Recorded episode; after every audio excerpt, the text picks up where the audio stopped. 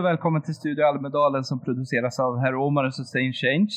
I det här avsnittet så kommer vi utforska frågan om ensamhet. Vi kommer bland annat att diskutera om det behövs en nollvision mot ensamhet.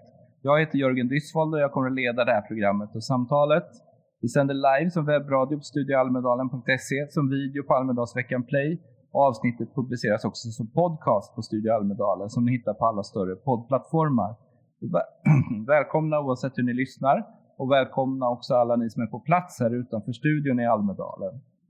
Enligt Wikipedia så är ensamhet att vara utan mänskligt sällskap eller känna sig utan stöd. Det finns frivillig och ofrivillig ensamhet. Många förknippar ensamhet med att vara fysiskt ensam, till exempel att bo eller leva ensam. Men det handlar som sagt om en känsla som är svår att mäta. Det förs statistik över till exempel antalet ensamhushåll, men det görs lite uppföljning från offentligt håll kring den upplevda ensamheten. Det paradoxala är också att man faktiskt kan ha både livspartner och barn, men ändå leva i upplevd ensamhet för att man exempelvis saknar vänner och andra som man delar intressen och värderingar med. Och med mig idag för att diskutera det här ämnet kring ensamhet så har jag Martin Ernlöv som är generalsekreterare för Röda Korset och Johanna Nordin som är projektledare på Mind. Välkomna! Tack för det! Och jag tänkte att vi ska börja med lite fakta och ni på Röda Korset Martin lät ju Förra året så lät ni Novus undersöka hur det stod till med ofrivillig ensamhet. Och där svarade hälften av svenskarna att de har upplevt ofrivillig ensamhet under det senaste året. Och värst drabbade är då unga i åldern 18 till 29. Där var det tre av fyra som sa att de hade känt sig ofrivilligt ensamma under det senaste året. Vad har du för tankar kring det här? Mm, vi gjorde den där undersökningen med Röda Korset också eftersom vi för tio år sedan gjorde en likadan, alltså 2011. Och så var vi nyfikna förstås, vad har hänt i pandemin nu? Va? Vad har hänt med folk och i social isolering och alltihopa detta? Är, har det här blivit en helt annan bild eller var det så här för tio år sedan också? Och det, det, man kan säga då det är ju att, att det hade förändrat sig eh, och också på ett sätt som, som vi kanske inte riktigt hade insett eller förväntat oss fortfarande är det så att nio av tio svenskar upplever att de har någon som de känner att de kan få stöd ifrån. Det är ju en sån här viktig fråga kring ensamhet. Har du någon som du känner? Men vänder man på det så är en av tio, och det här är brett åldersspann, 18 till 73 år eller 74 år, något sånt där. En av tio känner att de inte har någon som man känner att man kan få stöd ifrån alls det, det, är ju ganska många människor, även i ett litet land som Sverige, så, så kan vi alla räkna själva och hamna snart uppe på närmare en miljon personer som är alltså i svenska samhället, vuxna människor som känner att de inte har någon som de kan få stöd av. Eh, vad vi också tittade på var folks uppfattning. Känner du att du själv känner igen eller kan se om någon människa har behov av stöd runt omkring dig? Eh, det hade ju gått ner. Och det hade man möjligtvis kunnat tänka sig hade varit tvärtom i pandemin, alltså mm. att vi skulle lärt oss läsa av. Vi har ju varit närmare varandra i vissa fall va? och också lärt oss vara digitala och vi har skulle känt in, men det var verkligen tvärtom. Alltså att folk, och det var ganska märkbart att folk i mycket sämre utsträckning nu kände att det gick att läsa av nu jämfört med för tio år sedan hur folk de facto har det och hur de mår. Så det, det, det tycker jag var, var klara takeaways för oss i det här. Och det betyder ju också att, att eh, samhället i form av, av, av myndigheter och kommuner och sjukvård och i vilka olika delar det är, men också föreningslivet behöver tänka lite annorlunda och också du och jag som medmänniskor behöver tänka lite annorlunda och vara lite mer alerta. Så det, det var väl några sådana reflektioner kring, kring den rapporten. Ja, intressant. Vi kommer att komma tillbaka till det senare med eh, vad konsekvenserna blir och också framförallt mycket fokus på slutet vad man kan göra. Både du och jag och eh, vad man kan göra från samhällshåll och, och liknande. Har du några tankar kring det här Johanna? Kring det Martin presenterade, slutsatsen av undersökningen? Ja, nej men, vi har ju också tittat på det här med ensamhet och jag jobbar just nu i ett projekt om äldres psykiska hälsa där vi också gjorde en liten extra undersökning om ensamhet. Och eh, jag reagerade lite på som du sa, att undersökningen som ni gjorde var upp till 74 år, kanske det i och för sig var 79 för det brukar ha gränser på någonting sånt. Men att eh, vi har ju sett att eh, unga människor är ensamma, uppger eh, ofrivillig ensamhet. Det såg ni säkert också då i en undersökning mellan 18 och 29 tror jag är som högst siffror. Men om man tittar på de som är över 80 år så är de ännu ensammare. Och de har ju både eh, rent fysisk och social ensamhet men också uppger ofrivillig ensamhet i hög grad minst en gång i veckan. Högre än många andra grupper gör. Och den gruppen fångar man inte med Novusundersökningen för de har också liksom fått höra och de tror jag har också ändrat sig nu att de lägger till en tio år på sin. För det finns ganska många mer personer att fråga om man frågar upp till 89. Just det. Så det är en viktig grej att tänka på. Äldre, äldre, äldre är ensammare än yngre. Men de skäms mer för att tala om det. Just det. Eh, så de kanske inte heller syns lika mycket i statistiken eller så. Eh, sen så tror jag att äldre personer kanske lättare eh, hanterar sin ensamhet på det viset att de, de kanske hunnit vänja sig genom eh, livet. Och yngre tycker att det är läskigt och tänker att de skulle vara ensamma, eller oroa sig för att vara ensamma resten av livet. Så det är ju en annan, en annan form av ensamhet kanske som är mer oroande. Men det ser olika ut på olika sätt. Men vi var ju inne på det här med frivillig och ofrivillig ensamhet. Och det här är ju ofrivillig ensamhet också.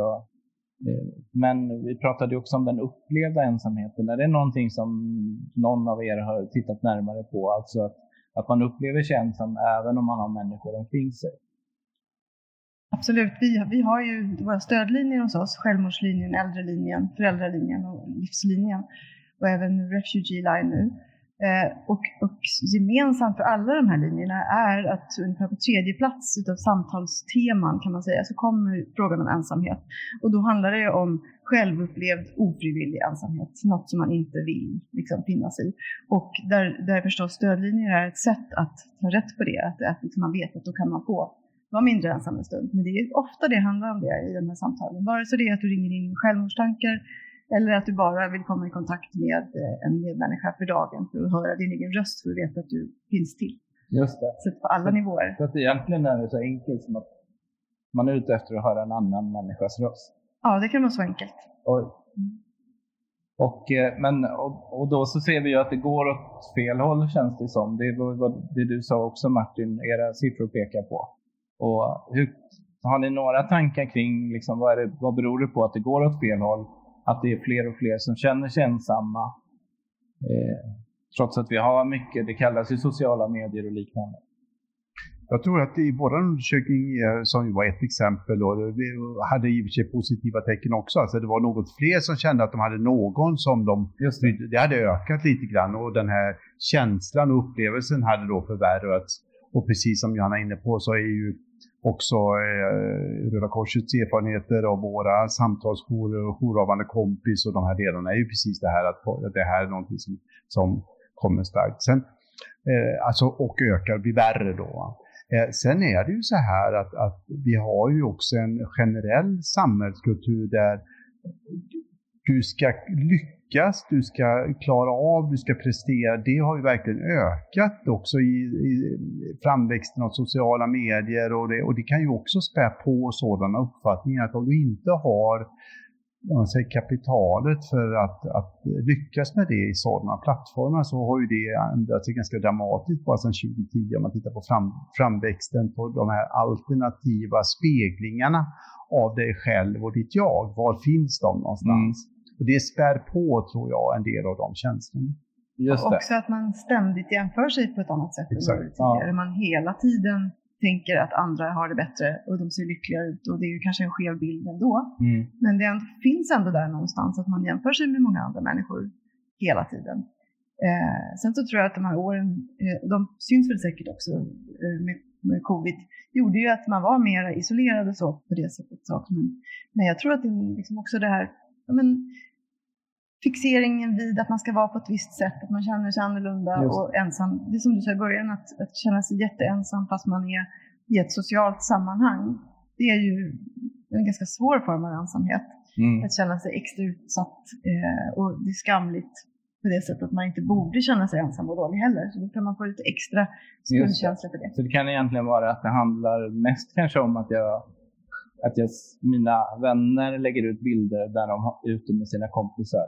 Men jag kan själv inte lägga ut sådana bilder. Så ja, det, det skapar vara, en känsla av ensamhet. Det kan ju vara en, en del i det hela. Och så är det för yngre personer kanske eh, extra mycket. Men jag tänker Johannas kommentar också kring äldre äldre är ju också viktigt. För där har du eh, och så har det ju varit i alla tider, men där har du också den rent biologiska faktorn att flera av ens vänner de facto dör och det märker det. du. Och det, det ger också en, en, en, dimension till av upplevd ensamhet, alltså att du är de facto ensam för liksom din promenadkompis eller fikakompis eller bara en person av de tre som du hade kvar att ringa har dött ja, just det. Och det, det ger ju förstås en, en, en stark ensamhetskänsla. Mm. Eller att man är anhörigvårdare och är väldigt ensam i sin situation hemma med någon som man inte kan lämna. Eh, och så skäms man för att man skulle vilja gå ut och så blir det väldigt svårt och då kan man känna sig väldigt ensam och utsatt. Just det. det och för äldre handlar det väl också mycket om att ha andra som man pratar om saker man upplevt tillsammans med. Att ja, dela men... upplevelser och erfarenheter. Det är kanske svårt att göra då om man får en ny bekantskap. För då Visst. har man inga upplevelser att dela. Och så tror jag att, att som vi upplever i de här linjerna vi pratar om till exempel, eller med alla de som jag har pratat med i vårt projekt, att man vill prata om, liksom, om livet och om slutet på livet och det är inte himla lätt att göra det med nya bekanta eller med yngre personer för de är inte där. Utan man vill liksom kunna dela det med någon som verkligen förstår och lyssnar och som tycker att det är en viktig fråga just nu. Så existentiella frågor, att ta, liksom, ha, ha det utrymmet någonstans. Just det. Då, nu tänkte jag att ni ska få använda de här röstkorten som ni har fått framför er på bordet. Och jag kommer att göra ett påstående och då visar ni grönt om ni håller med och rött om ni inte håller med. Påståendet är då att det är främst individers eget ansvar att skaffa sig vänner och sammanhang som gör att de inte drabbas av ofrivillig ensamhet. Så grönt om ni håller med om det eller rött om ni inte håller med. Där hade vi lite olika syn på det. Jag låter dig börja med Martin och utveckla ditt svar. Och för de som inte ser korten då så... så Just det, du visade grönt ja, att det är individers eget ansvar. Ja, främst. Jag, jag tänker så här också, att i, i vårt samhälle idag så är det, är, det är många människor som vill leva sitt eget liv och, och jag tror inte man kan lägga över huvudansvaret för sin sociala situation på någon annan. Alltså det, det måste man ändå vara med och, och skapa själv. Sen med det sagt så tycker jag att det omgivande sam samhället, inklusive Röda Korset och Mind och eh, kommun och, och sjukvårdsvård, behöver bli mycket bättre på att, att tillgängliggöra stödmöjligheter och sammanhang. Men det är en annan sak. Va? Men du kan ju fortfarande ha alla möjliga sammanhang runt omkring dig. Men om du inte agerar på det, det, det måste folk också ha sin fulla frihet att, att välja själva. Därför så satte jag att det, det, är ändå primärt ett eget ansvar i ruta ett. Just det, det finns möjligheter. Och Johanna, du, mm. Nej, jag håller inte, med. inte med alls där, men det beror nog på att jag har eh, tänker att vi pratar om de som är ofrivilligt ensamma och jag också kommer från en värld där ensamhet och nedstämdhet ganska ofta går hand i hand. Eh, och jag vet att det är svårt att ta sig i kragen när man inte har någon. Eh, det är väldigt svårt att liksom själv vara den som hela tiden ska driva sina egna frågor. Vi träffar så himla mycket sådana människor där jag, jag förstår att det kommer behövas någonting från någon annan därför att det, liksom, det är en sån hög mur att klättra över själv. Det behöver finnas någon där uppe som drar lite. Eh, och jag, är, jag kommer från sjukvårdsvärlden från början, jobbat 30 år i, i Region Stockholm och liksom träffat mycket människor det, det skulle kännas jättesvårt för mig att säga att ansvaret ligger på individen själv. Ja. Jag, jag, känner så starkt att eh, vi behöver hjälpas åt i alla instanser där vi finns. Vare sig det är du och jag, eller i sjukvården, eller i civilsamhället, skolan, var vi nu än är, så måste vi liksom se varandra för att det ska funka. Jag tror för annars så blir det en sån, det blir som, som att man säger att alla borde börja träna. Men det är svårt ja, att komma dit. Ja, precis. Att du, du eh, får skylla dig själv Ja. Jag fattar att det inte är så du menar. Nej, och, och jag tänker så här, för, för, frågan var ju väldigt brett formulerad. Om du hade börjat med att ställa, är det de ofrivilliga ensammas eget ansvar att bryta sig ur den situationen? Ja, då har du ramat in det redan från början på ett mm. annat sätt. Och, och, det var där vi tog frågan kanske lite olika. Ja. Eh, för, för, är det så, ja det är klart, då har man redan hamnat i ett läge där man inte vill vara. Man var ju ofrivilligt ensam. Så att säga.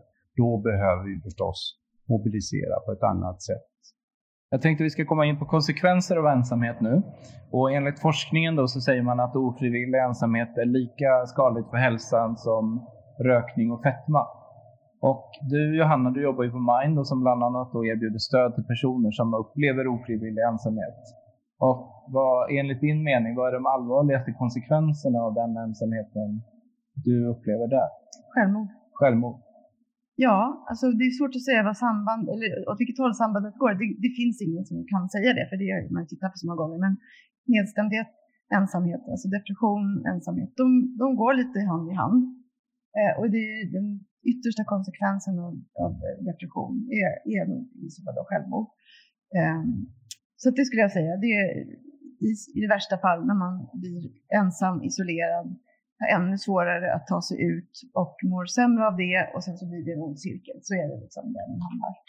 Just det. Det är det vi oroar oss för och det vi ser liksom, att folk hör, hör av sig kring.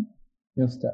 Men ser ni andra konsekvenser också utöver det? För just självmord är ju, är ju kanske det lite mera kända. Men, men, men till, tills du kommer dit så finns det ju alltid från att du slutar att liksom vara social och du tappar ditt uh, nätverk Eh, då gör du andra människor besvikna så att andra människor runt omkring dig liksom inte har dig. Eh, och sen kanske du får påverkan på ditt yrkesliv. Då får du både påverkan på, på din ekonomiska situation och dessutom samhällets.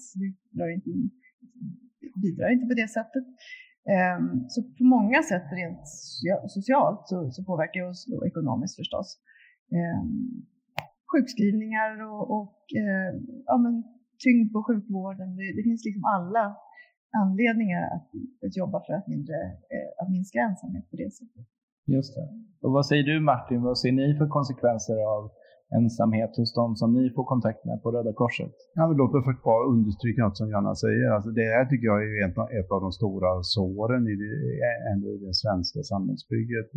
Johanna kan säkert de här siffrorna bättre än jag, men jag tror det är, det är 220-230 personer under, under 30 år varje år som tar sitt liv. Alltså det är någonstans i den storleksordningen i alla fall. Eh, och det är ju det är fasansfulla tal. Alltså, vi, vi, bara i trafiken så tror jag inte det dör mer, mer än inom citationstecken 320-330 per år. Så, och, och, om man tittar på de satsningar då som görs på eh, motorvägsviadukter och säkrare mitträcken och sånt där och jämför med, med de behovssituationer som vi har inom den psykiska hälsovården i Sverige idag så är det enorma satsningar som skulle behöva göras. Och det här är ju en, en det, här är ju en tysthet runt den här diskussionen i det svenska samhället idag som, som, är, som jag tycker är förfärlig och väldigt, väldigt svårt att göra någonting åt. För att det är klart att eh, jag vill inte på något vis bagatellisera gängkriminaliteten, men, men, men, men eh, skjutningarna runt det får ju 2000 gånger mer eh, utrymme än den här situationen. Yes. Röda Korset har, är ju en av de här föreningarna, inte minst vad det gäller äldre, då, som, som har väldigt många frivilliga som jobbar med det. Tittar vi på vår statistik så är det ungefär eh, 175 av våra föreningar som har aktivitet runt det här. Vi har ungefär 2500 frivilliga som ordnar då träffpunkter, mötespunkter, besöker ensamma äldre, ordnar eh, kaffestunder, har mötesplatser där man kan få en kaffe och en muffins för en tia.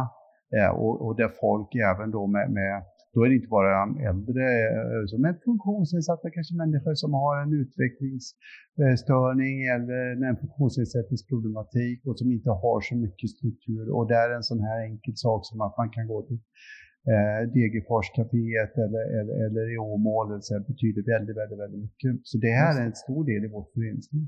Men jag tänkte på det ni var inne på också, för det känns ju som att då det är en nedåtgående spiral som liksom till slut blir, för när man pratar om en nollvision mot självmord som, som många har drivit, då, då känns det som att okej, okay, men då måste vi gå in åtgärd, med åtgärder i det mest akuta skedet när personen har kommit dit här att nej, men nu är det för smärtsamt, nu orkar jag inte leva längre. Men, men när vi nu är inne på ensamhet, vår rubrik på det här samtalet är ju om vi behöver en nollvision mot ensamhet. Vad säger du Johanna som ändå jobbar med att möta de här personerna? Är det, kan insatser i mer tidigare skeden minska antalet som kontaktar er? Absolut. Eh, jag tror att det går att göra jättemycket när det gäller främjande och förebyggande eh, just för att hindra att man hamnar där. Vi jobbar alltid liksom för sent. Det ligger så mycket resurser på den specialiserade vården Eh, och så lite på förebyggande och främjande. Det gäller hela livet skulle jag vilja säga. Man jobbar kanske mer främjande och förebyggande för unga och, och barn. Men ju längre tiden går upp i åldrarna så gör man inte det längre och så, så ser vi lite grann att det ser ut. Men jag tror genom hela livet så behöver man tänka så. Man behöver bli bättre på i alla instanser där man träffar människor och kanske också resurssätta så att man har tid att fråga hur, hur det egentligen är. Och liksom har du någon att prata med, en jättebra fråga eh, som ni ställde i den här enkäten. Tror jag. Eh, för, för att det skulle säkert lossa ganska mycket och jag tror också, nu ska vi kanske inte föregå den frågan, men just att samarbeta med civilsamhällets olika organisationer kring att liksom, det behöver inte vara vård. Ett samtal i, grupp eller enskilt med andra är ju någonting som civilsamhället är jättebra på att göra många gånger. Det kanske handlar om att göra det i, i fysisk form, i, liksom gå ut och ta promenader. Det kanske inte är någon som vill sitta i grupp istället och göra det. Det finns massa olika sätt, men det är ju sånt som många gånger går att fixa, som inte behöver vara sjukvård, som inte behöver belasta liksom, samhället på det sättet, utan Just. man gör det på andra sätt. Det men det, det, och normalt är det en fråga om medvetenhet också? Jag har hört att, att bland äldre män är ju en grupp där man har en högre självmordsfrekvens.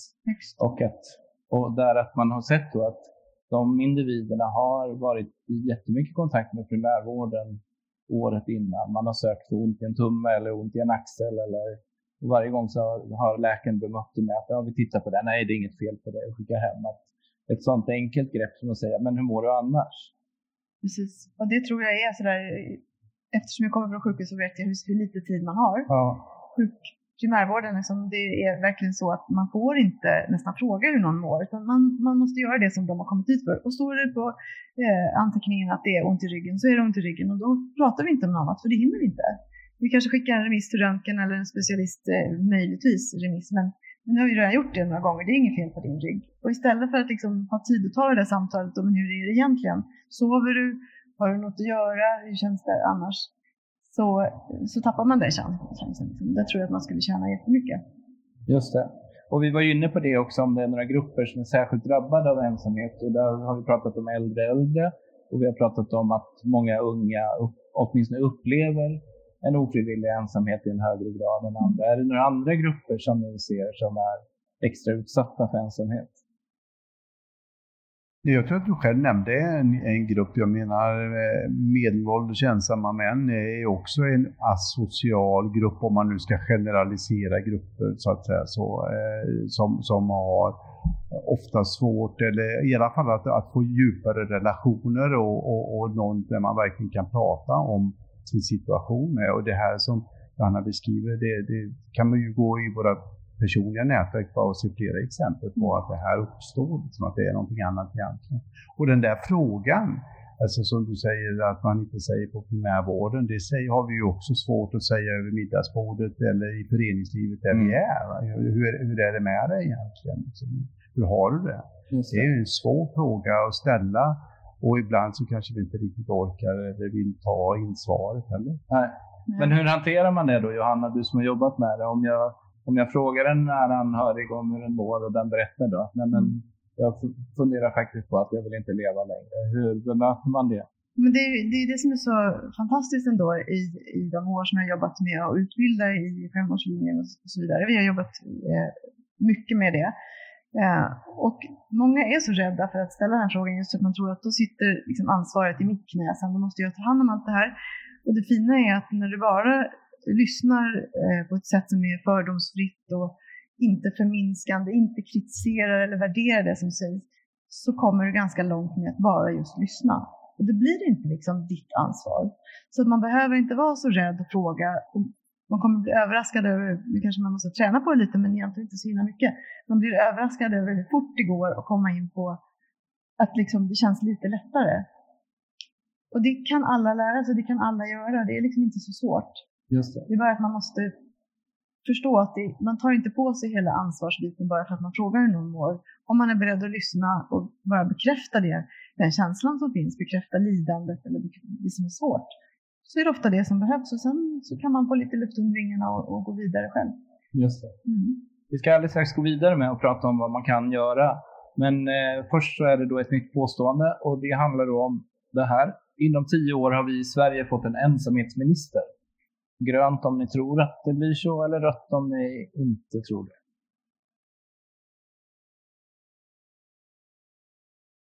Martin är optimist och tror att det blir så. Johanna är mera pessimist i ett tioårsperspektiv. Jag låter dig börja Martin.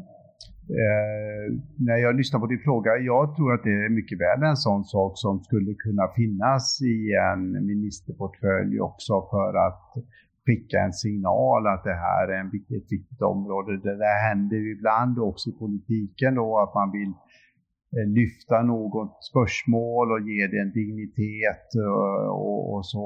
Och, så, så det, det, skulle mycket väl kunna hända inom en tioårsperiod. Just det. Och Johanna, du är mer skeptisk? Ah, alltså jag, jag kan det satt både och kan jag säga, men, men eh, jag vet att det, det, det kan funka. Eh, jag tycker att det är svårt att driva de här frågorna, det är erfarenhet. Liksom. Och särskilt när det gäller äldrefrågan så tycker jag att det är ganska trögt. Det har varit mycket lättare de sista åren, men det är ändå så att vi får väldigt mycket mindre utrymme att prata om äldres ensamhet eller äldres psykiska hälsa än när vi pratar om unga. Och det, det är klart, det, det ska liksom, de ska växa upp och det ska jag självklart också barn och tycker att det är superviktigt. Men vi måste liksom någonstans också börja se att, att vi blir äldre så att, visst, det skulle vara jättepositivt, men jag är, jag är lite skeptisk till att man kommer satsa på det. Just det. För, för Storbritannien de fick ju en ensamhetsminister 2019 mm. och där handlade det främst om att man såg att man hade väldigt många äldre som led svårt av ensamhet och man började räkna på det här också, vad det gav för konsekvenser då. Så att, eh, och det har vi ju redan varit inne på, om det är någonting som vi borde ha i Sverige också. I Storbritannien så har man också gjort försök med att låta läkare skriva ut social aktivitet på recept. Vad tror ni om det? Jag börjar med dig Martin. Alltså jag, ty jag tycker åtgärder eller initiativ som syftar till någonting gott och som kan leda åt rätt håll. Ja, generellt sett så är jag väldigt positiv till, till, till sånt. Jag tycker det, om det inte är skadligt så att säga, så, så, så varför inte? Ja, och det där finns ju redan vad det gäller fysisk aktivitet kan man ju också få med sig på recept hem. Och det blir ju mer, det blir ju lite grann en markering att här kanske eh, ditt ditt huvudsakliga problem kanske inte är något vi ska lösa med läkemedel utan Nej. någonting som vi ska lösa med någonting annat. Och det kan förstås vara en, en, en, en fingervisning eller någonting sådant. Så, så det skulle väl kunna fungera kanske. Sen om man upplever ofrivillig ensamhet, som Johanna var inne på förut, så är det ju inte alltid säkert att ett påpekande om det hjälper mer än det själv. Men det är ju en individuell avvägning. Ja, men det är samma om du har problem med övervikt eller, eller högt blodtryck eh, så, så vet ju de flesta människor ändå, i alla fall i Sverige, att det kanske är bra om man rör på sig lite mer. Just det. Så, så att det, möjligen att det kan stå på dem, men, men varför inte?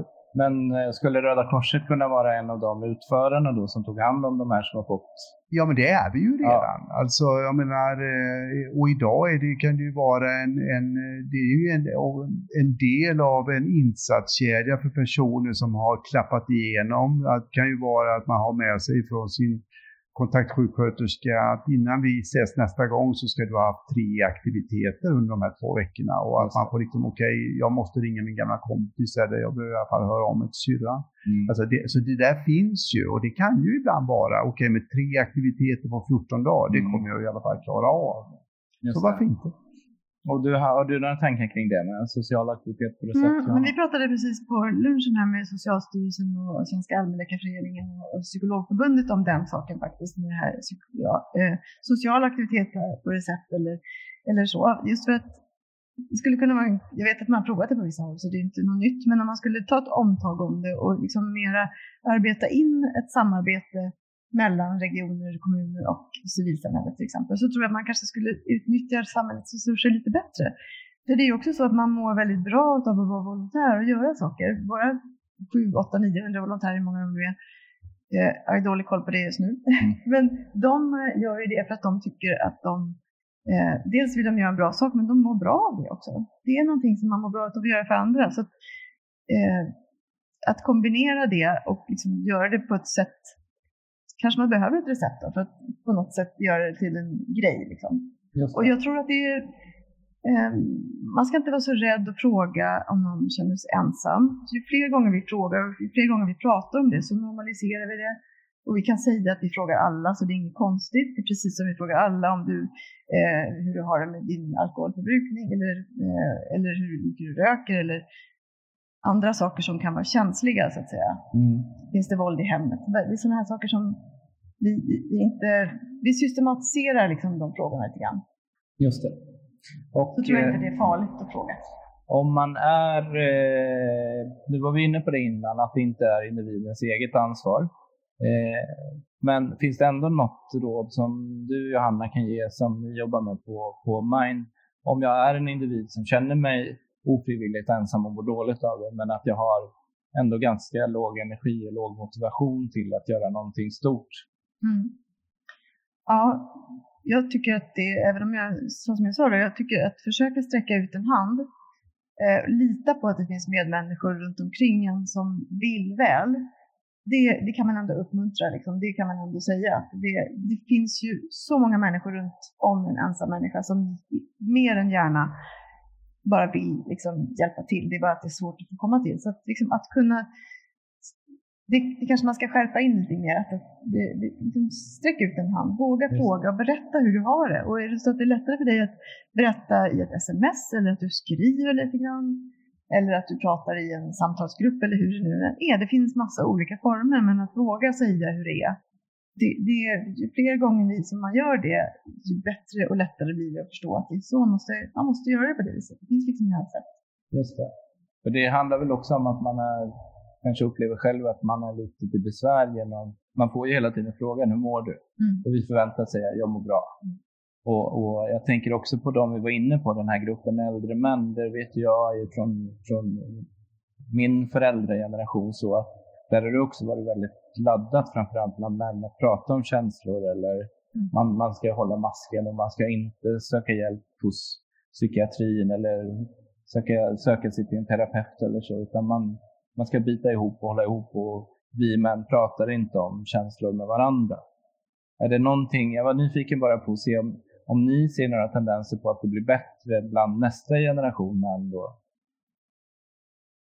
Ja, det, här, här blir man ju kung av spekulationer då. Men igen då, jag tycker att det är så. Jag tycker generellt sett att, att vi har ett bättre eh, samhälle som är mer jämställt och öppnare. Inte ännu, men på väg åt rätt håll. Och sen en annan sak som ju faktiskt har blivit bättre med tanke på det som, som Johanna var inne på, det är ju att, att trösklarna för att ändå räcka ut en liten hand eller ett litet finger har ju också sänkts. För här kan ju tekniken jobba till vår fördel. Alltså du kan ju göra detta anonymt i en chatt med Mind eller en jourhavande kompis eller jourhavande medmänniska. Alltså det finns ju flera sådana plattformar där man kan liksom börja. Och den tröskeln är ju lägre för många än att, att ringa liksom och boka en tid på vårdcentralen eller gå och knacka på dörren till skolkuratorn. För den tröskeln kan ju upplevas stor. Just det, och då kan man få kanske en liten knuff som kan leda till det här nästa steget. Vad säger du där Precis. Johanna? Jo, för att det finns liksom ingenting som är så skamligt som att vara ensam. Eh, jag pratar med många människor om det, att liksom det här med skammen kring psykisk ohälsa, den har verkligen, den har verkligen luckrats upp en del. Det finns ju grader utav också olika grupper, eller äldre har lite svårare för det, men, men, eh, men just ensamhet, det är det mest skamliga. Man, att inte tillhöra en grupp, eh, att inte liksom vara efterfrågad. Eh, det är farligt från början, liksom rent evolutionärt, men det är också det, är liksom det här att jag får inte vara med. Eh, de vill inte att jag ska vara med. De, och sen så blir det en liksom självuppfyllande profetia. För ju längre du blir ensam, drar du undan och verkar avig så kommer du heller inte vara så eftertraktad på riktigt. För det känns liksom som du egentligen inte vill vara där. Och så, då blir det till slut så att du är så. så att, eh, att få vara anonym eh, ser vi som en av de absolut största liksom, eh, vinsterna med just våra stödlinjer där man inte behöver tala om vem man är utan faktiskt kan prova hur det är att berätta. Där kanske man gör en, liksom ett litet genrep innan man och så kan våra volontärer säga att nu har du liksom testat att säga de här sakerna, hur känns det nu? Kanske du skulle våga söka hjälp för det här. Så det är ett jättebra sätt att faktiskt prova lite. Just det. Är vi inne på... Ja, förlåt Martin. Är att bara uppmuntra där till de som, som lyssnar på det här också. Att, och, och vill man vara en sån person som sitter i en sån hjälplinje så är ju också den tröskeln mycket lägre än vad de flesta tror. Alltså du behöver inte ha din universitetsutbildning i psykiatri för att sätta dig utan Man får bra utbildningar kring att vara hjälpare och stödjare hos Röda Korset, hos Mind och hos andra organisationer. Det spelar inte så stor roll vilken man väljer där. Det kan man göra lite grann efter tycke och smak och kontakter. Men att det är ett väldigt bra sätt också att hjälpa någon annan. Alltså att, att ta ett sånt pass var 14 dag eller, eller när man har möjlighet. Jag tänkte komma till det, hur stort åtagande är det? Men det kan handla om ett pass var 14 dag. En fyra timmar då, eller? Ja, det där ser olika ut Ja. och där, får, där är ju organisationerna flexibla. Vi, Mm. vi, vi, vi gör ju det som vi har möjlighet att jobba med. Så gör vi på Röda Korset och, och det gör säkert ni också, Johanna. Ja, vi, har, vi, har, vi lägger ner ganska mycket utbildning på volontärer som ska sitta i våra stödsamtal. Så vi vill gärna att de jobbar varannan vecka. Både för att vi liksom, det skulle vara för resurskrävande att bara utbilda folk som inte liksom, sen kommer dit. Eh, men också för att man, man måste liksom vara där eh, lite då och då för att bli bättre på det. Man Det är måste, som ett språk, att det behöver Ja, underhållas. du behöver träna på det. Du behöver känna man kan bli lite så här nervös om man inte är van och så här. Så de som har varit där länge tycker inte att det är jobbigt alls. De som är ganska nya kan tycka att det är lite spänt liksom, att komma dit innan. Men, men, men samtidigt så, som sagt, vi är jätteflexibla med att vi, man kan inte tvinga volontärer. Man gör ju så mycket man vill. Men de som är där, de är ju där för att de vill. Det är det enda som är liksom, det är Just det. Jag har själv ett, när vi var inne på det med äldre, jag har själv ett favoritprojekt som heter Harare Park Bench Grandmas. Har ni hört talas om det? Det är från Zimbabwe och där hade man jättestora problem med psykisk ohälsa men man hade ett fåtal psykiatriker i hela landet. Och då kom man på att äldre och framförallt äldre kvinnor är en fantastisk resurs. Så man värvade ett antal sådana och man utbildade dem i enkel samtalsterapi. Och sen efter det så fick de en speciell knapp som de hade på sig och instruktion att gå ut och sätta sig på parkbänkar. Och människor som mådde dåligt då fick veta att ser du en sån här kvinna som sitter där med knappen så kan du sätta dig ner och få en pratstund avlastande så. Och eh, jag fick också lära mig igår att det finns någonting som kallas för MHFA och är en slags utbildning för allmänheten i första hjälpen till psykisk hälsa. Jag var nyfiken på är era tankar kring det här. Är det här någonting vi kan göra mer av i Sverige? Att utnyttja då äldre eller allmänheten i stort till att kunna hjälpa människor som mår dåligt av ensamhet. Den första hjälpen-utbildningen HLR, fast motsvarande för ensamhet eller, eller eh, som, som du var inne på, att man funderar på att ta sitt liv. Martin Det- först. Ja, jag kan ju inte låta bli att pitcha då. Det kan man gå på Röda Korset, just första hjälpen att vara en stödjande medmänniska kring det. Och, och, och, och, och, gö- och göra de här första stegen är eh, inte så komplicerat. Det är, sitter man i några av Minds eh, samtal så tror jag att det är bra att man har ordentligt med påbyggnadskurser också. Men det här första steget är, är inte så stort. Och faktiskt i början av pandemin så hade vi ganska många nya 70-plussare som då var isolerade som satt i precis för då öppnade vi upp mycket bredare sån eh, samtalsstöd helt enkelt för människor som var oroliga. Vad är det här? Det. Och, och, och flera av dem var ju med digital teknik då hemma hos sig själva. Ja, Eftersom de inte kunde vara någon annanstans i början, om ni kommer ihåg, så var ju alla rekommenderade då att stanna hemma om de var över 70 år, oavsett hur de mådde. just det. Så det går absolut att göra det, att använda dem som resurs och det finns också lätt... Men får man någon speciell knapp då när man går den här utbildningen? I... Ja, just då fick man väl till och med Röda Kors-frame när man loggade på, så att Ja, säga. Så det. syntes. Men jag tänker på den här du pratade om första hjälpen i psykisk hälsa. Eller till psykisk hälsa. Eller är det någonting ni kan jobba vidare med? I alla fall så tror jag man får ett eh, digitalt snyggt kursintyg Just som man det. kan printa ut. Men jag tänker att- knappen Att om du har gått kursen, jag behöver ju känna igen dig ute på stan då, att jag Ja. kan söka upp dig. Ja, vi får jobba på det. Jag får Ja. kolla det och så får vi jobba fram det om vi inte har det. Vad säger du om idén Johanna? Jag, vet, jag tänker att det skulle liksom behövas att vi lär oss de, de här sakerna lite ifrån, från början. Så att vi pratar ju mycket om psykisk hälsa på schemat i skolan till exempel. Att man börjar prata om dem på en gång. Blir du bättre på att känna igen sånt här och vara en bra medmänniska redan att du är liten så kommer vi ha en liksom, befolkning som är bättre rustade för det i, i hela livet förstås. Och vi, vi, eh, våra utbildningar de kan man göra små eller, eller med mera påbyggnad som du säger. Att medmänskliga samtal, att lära sig medmänskliga samtal är, tycker jag, borde alla få göra. För att det är så himla roligt. Det är roligt att prata med sina föräldrar eller sina barn på ett sånt sätt att man känner sig mer trygg med att eh, hantera sådana här svåra samtal. Så jag tycker att det är Men jättebra. du jobbar ju med, med gruppen äldre som man gjorde här i Zimbabwe då, att man såg det Mm. som en, en värdefull resurs. Att man, när man har levt ett långt liv så är man kanske mer lämpad för att prata om livet. Ja, och just i äldrelinjen så har vi tidigare haft så att man behöver vara lite äldre för att man ska kunna ha det uppdraget. Man behöver ha med, varit med om lite förluster själv och liksom känna att man har levt. Eh, Men under början av covid-tiden så gjorde vi också så som, som ni, att vi var tvungna att bestämma oss för att gud, vi måste göra någonting här. Vi gick från 30 till 300 volontärer på några veckor bara.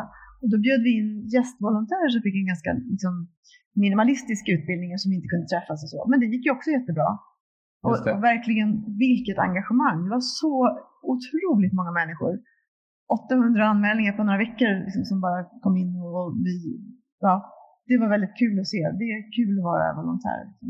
Just det. Så det kan man, man kan anmäla sig på vår sida så får man utbildning och roliga uppdrag. Det är mind.se och så är det redcross.se. Det är Roda Korset. Rodakorset.se. Ja, på svenska. Just det. Och då tänkte jag bara avsluta med den här frågan som vi har för samtalet här om behöver vi en nollvision mot ensamhet? Johanna? Mm, jag tror att det skulle kunna vara bra. Därför att jag tror att det är så grundläggande och att det skulle spara så mycket i slutändan. Så att jag tror att det är en, det är en jättefin tanke.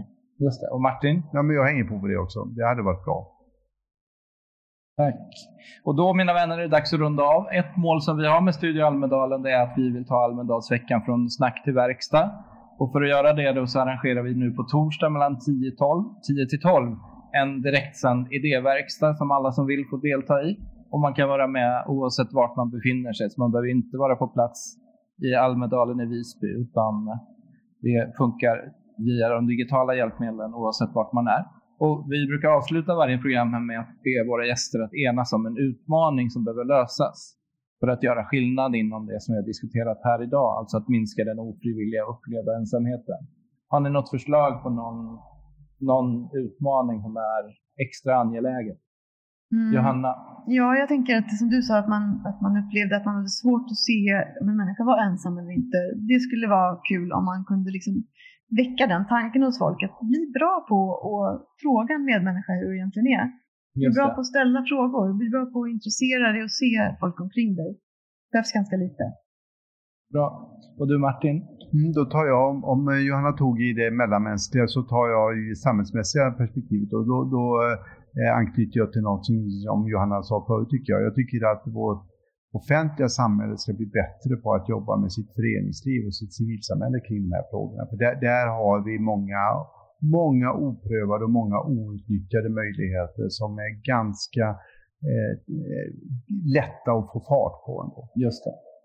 Och kanske fler aktiviteter som inte bara heller ska syfta till prestation utan som kan vara, vara rent sociala. Eh, nej men jätteintressant. Eh, och då med det så är vi klara här för idag. Och jag vill tacka Martin och Johanna för ett jätteintressant samtal. Och tack också till alla er som har lyssnat live eller som lyssnar på det här avsnittet som podcast. Och vi fortsätter att sända härifrån Studio Almedalen. Nästa avsnitt nu är, det startar klockan 15 och då så ska vi eh, utforska den här frågan med en ungdomspanel om hur vill unga designa sina liv. Och det startar då klockan 15. Och till sist så vill vi också be er att gå in och delta i vår idéverkstad på torsdag mellan 10 till 12 och all information om det hittar ni på studioalmedalen.se. Så stort tack Johanna och Martin och tack alla ni som har lyssnat. Tusen tack för att du Tack var med. själva. Hej!